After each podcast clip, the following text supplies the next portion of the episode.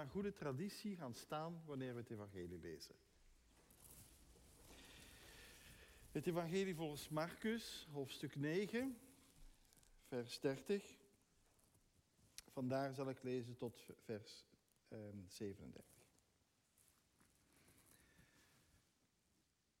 Ze vertrokken uit die streek en reisden door Galilea, maar hij wilde niet dat iemand dat te weten kwam. Want was bezig zijn leerlingen onderricht te geven. Hij zei tegen hen, de mensenzoon wordt uitgeleverd aan de mensen. Die zullen hem doden, maar na drie dagen zal hij uit de dood opstaan. Ze begrepen deze uitspraak niet, maar durfden hem geen vragen stellen. Ze kwamen in Cafarnaum. Toen ze in huis waren, vroeg hij hun: waarom, waarover waren jullie onderweg aan het redetwisten? Ze zwegen, want ze hadden onderweg met elkaar getwist over de vraag wie van hen de belangrijkste was. Hij ging zitten en riep de twaalf bij zich. Hij zei tegen hen: Wie de belangrijkste wil zijn, moet de minste van allemaal willen zijn en ieders dienaar. Hij pakte een kind op en zette het in hun midden neer. Hij sloeg zijn arm eromheen en zei tegen hem: Wie in mijn naam één zo'n kind bij zich opneemt, neemt mij op. En wie mij opneemt, neemt niet mij op, maar hem die mij gezonden heeft. Tot daar het evangelie. Gaat u zitten. Laat ons bidden.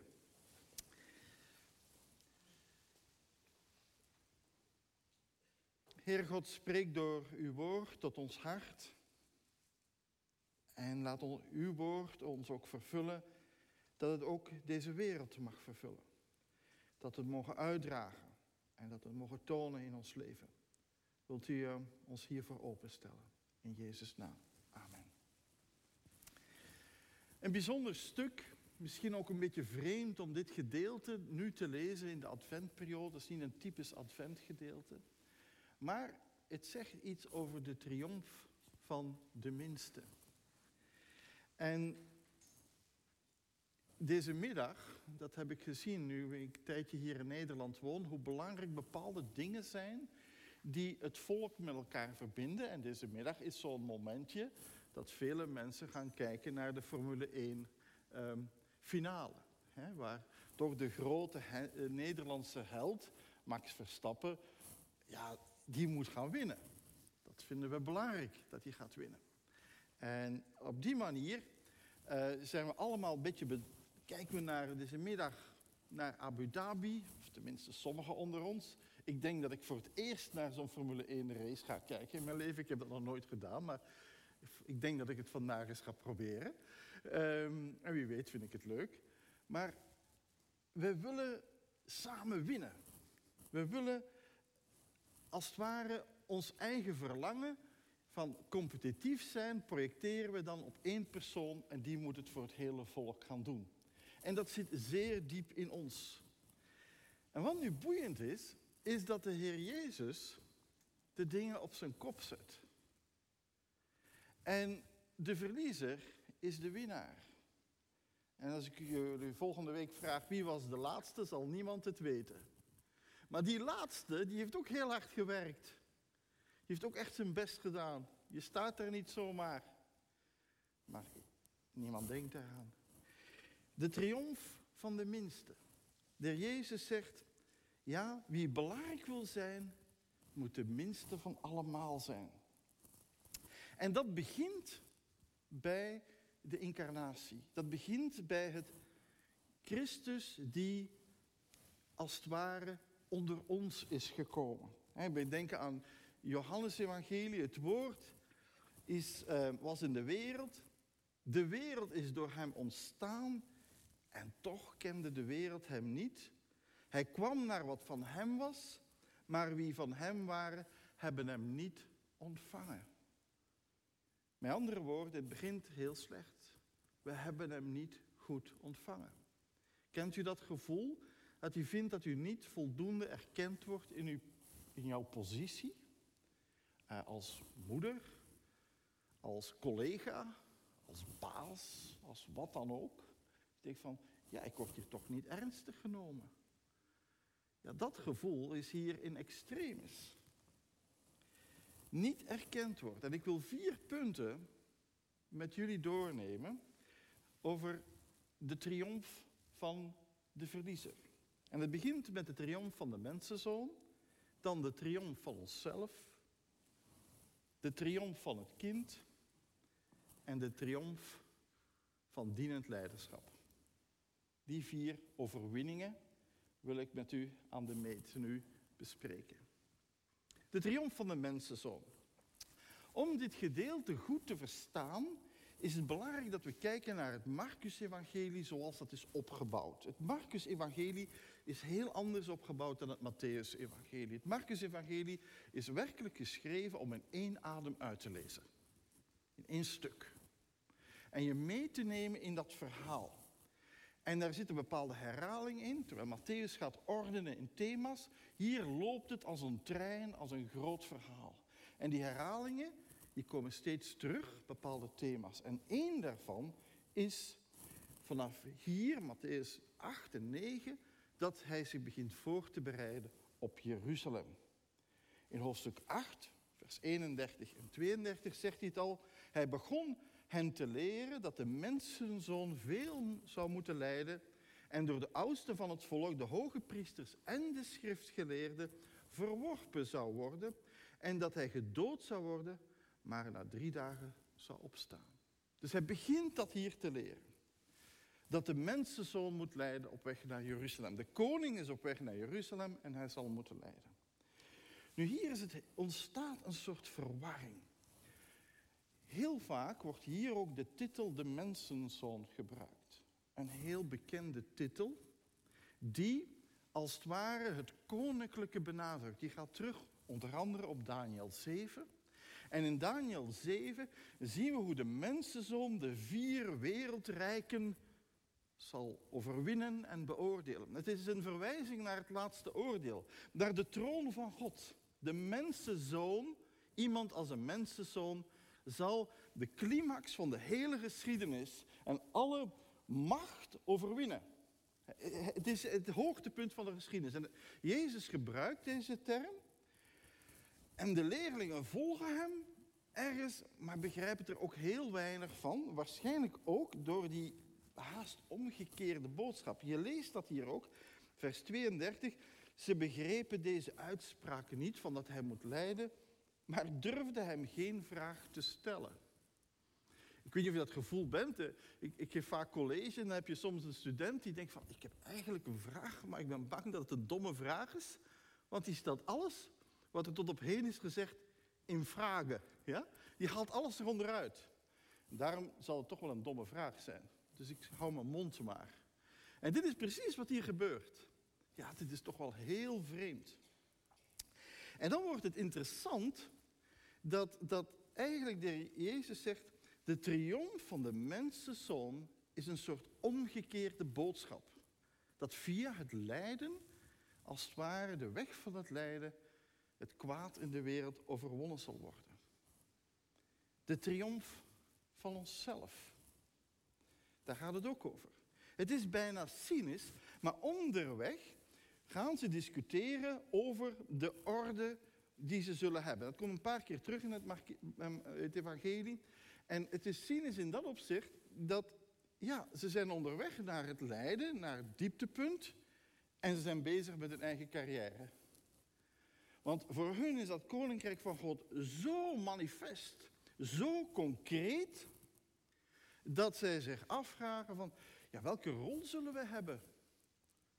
En welke positie zullen we gaan krijgen als twaalf?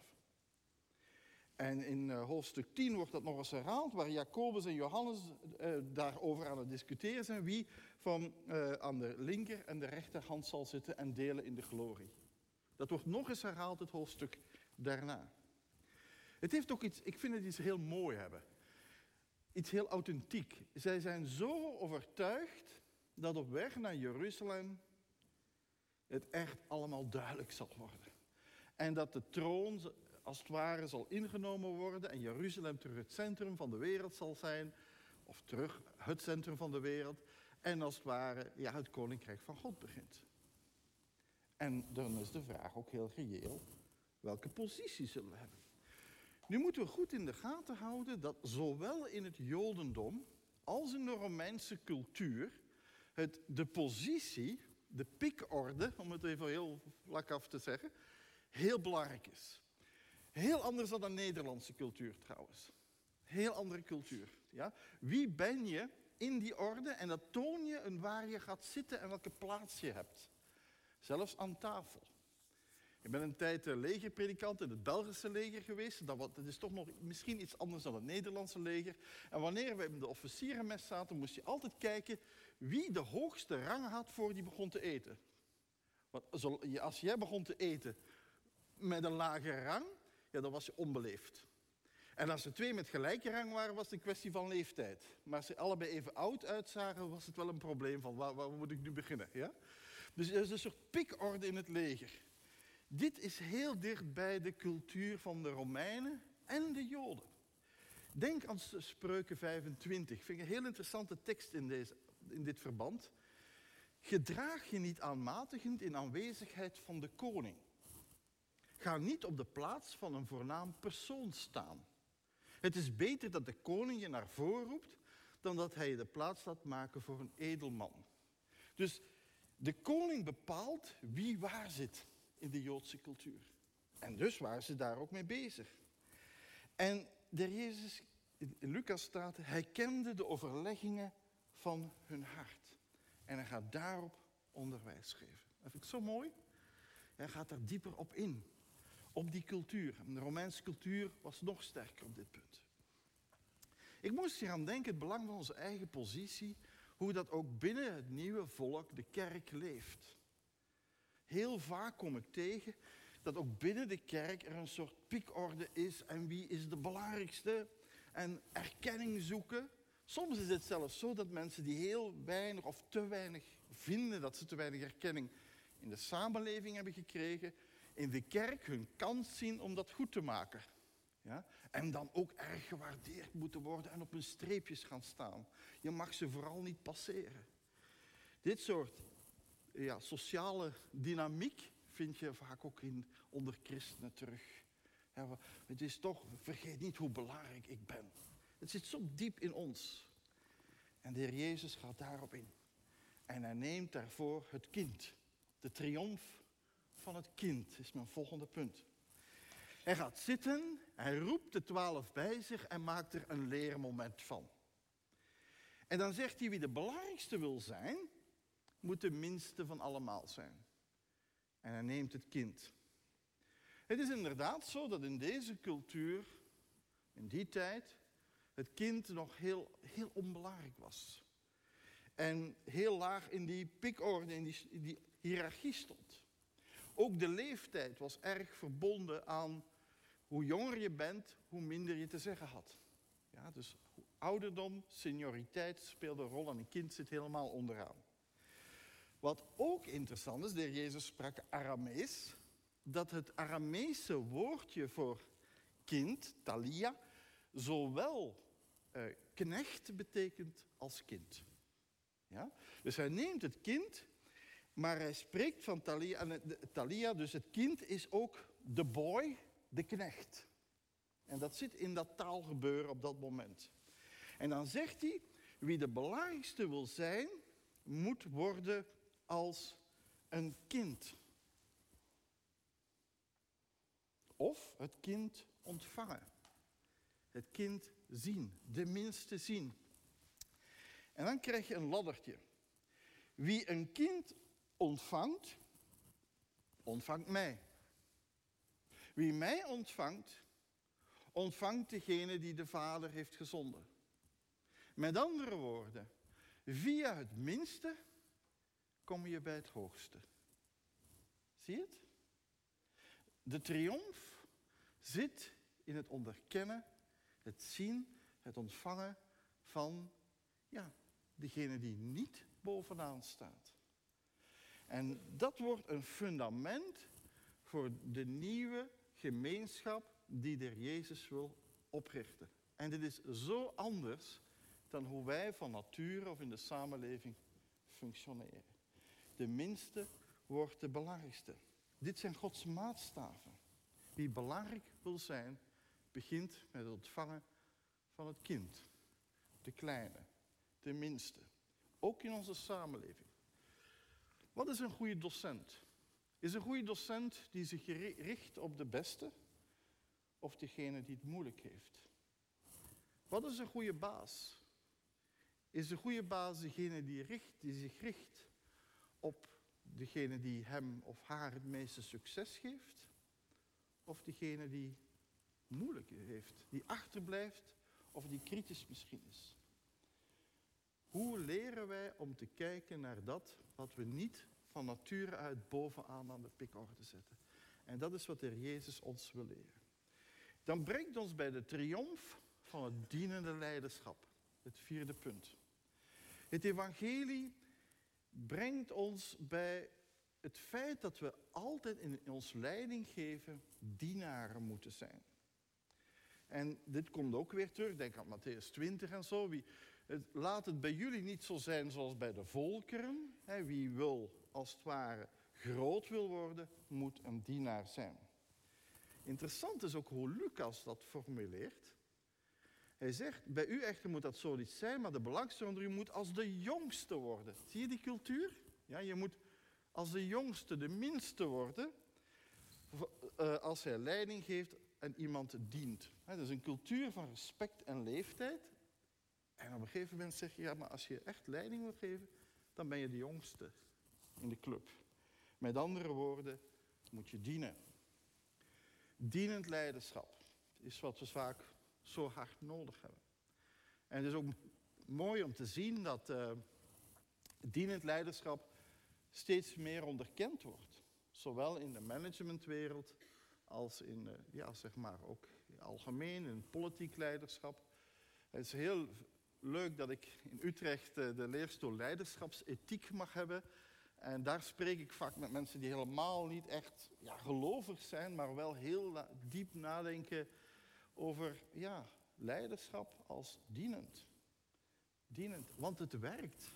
Het is heel gek, maar het werkt. Het doet iets met mensen. En dit is waar wij als christenen zouden voorop moeten lopen. In dienend leiderschap. De dienende leider maakt zichzelf onzichtbaar en zoekt het floreren van de ander. Is gericht op de zwakkere, de mindere, te achterblijven. Wij zijn nu aan de adventperiode gekomen en wat we, waar we stil bij staan, is dat de triomf van de minste begint bij het kind. En hier zet God de hele piekorde van de samenleving, de hiërarchie, op zijn kop. Jezus van Nazareth stelt niks voor. Jozef en Maria stelt toch niks voor. Onbeduidend. Maar via het onbeduidende wil God tot deze wereld spreken. De triomf van de minste. Laten we bidden.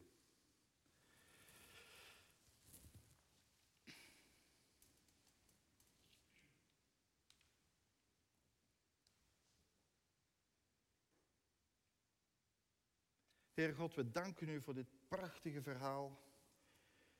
Dat u gekomen bent, maar dat u dit ook leert via de weg van het kind. We bidden voor onze kinderen. We bidden vooral voor de zwakkeren in de gemeente. Mensen die zeggen van ja, waar sta ik? Kijk, ziet men mij staan? Wie ben ik eigenlijk? Leer ons om hen te zien. Leer ons om dienaars te worden. Ook al is dat soms heel moeilijk en lastig en voelt het onwennig aan. Dank u voor uh, uw genade om dit in ons te bewerken. Dank u dat ook in deze samenleving er zoveel leiders zijn en leidinggevenden die u dienen zonder dat ze het vaak beseffen. Die toch uh, omzien naar andere mensen. En we bidden voor alle politieke leiders ook bij de formatie van de nieuwe regering en alles wat op dit moment bezig is. Dat ze werkelijk ministers mogen zijn dienaren van het volk. Want dat is wat we nodig hebben, Heer. We bidden ook voor vrede over dit land. In Jezus' naam.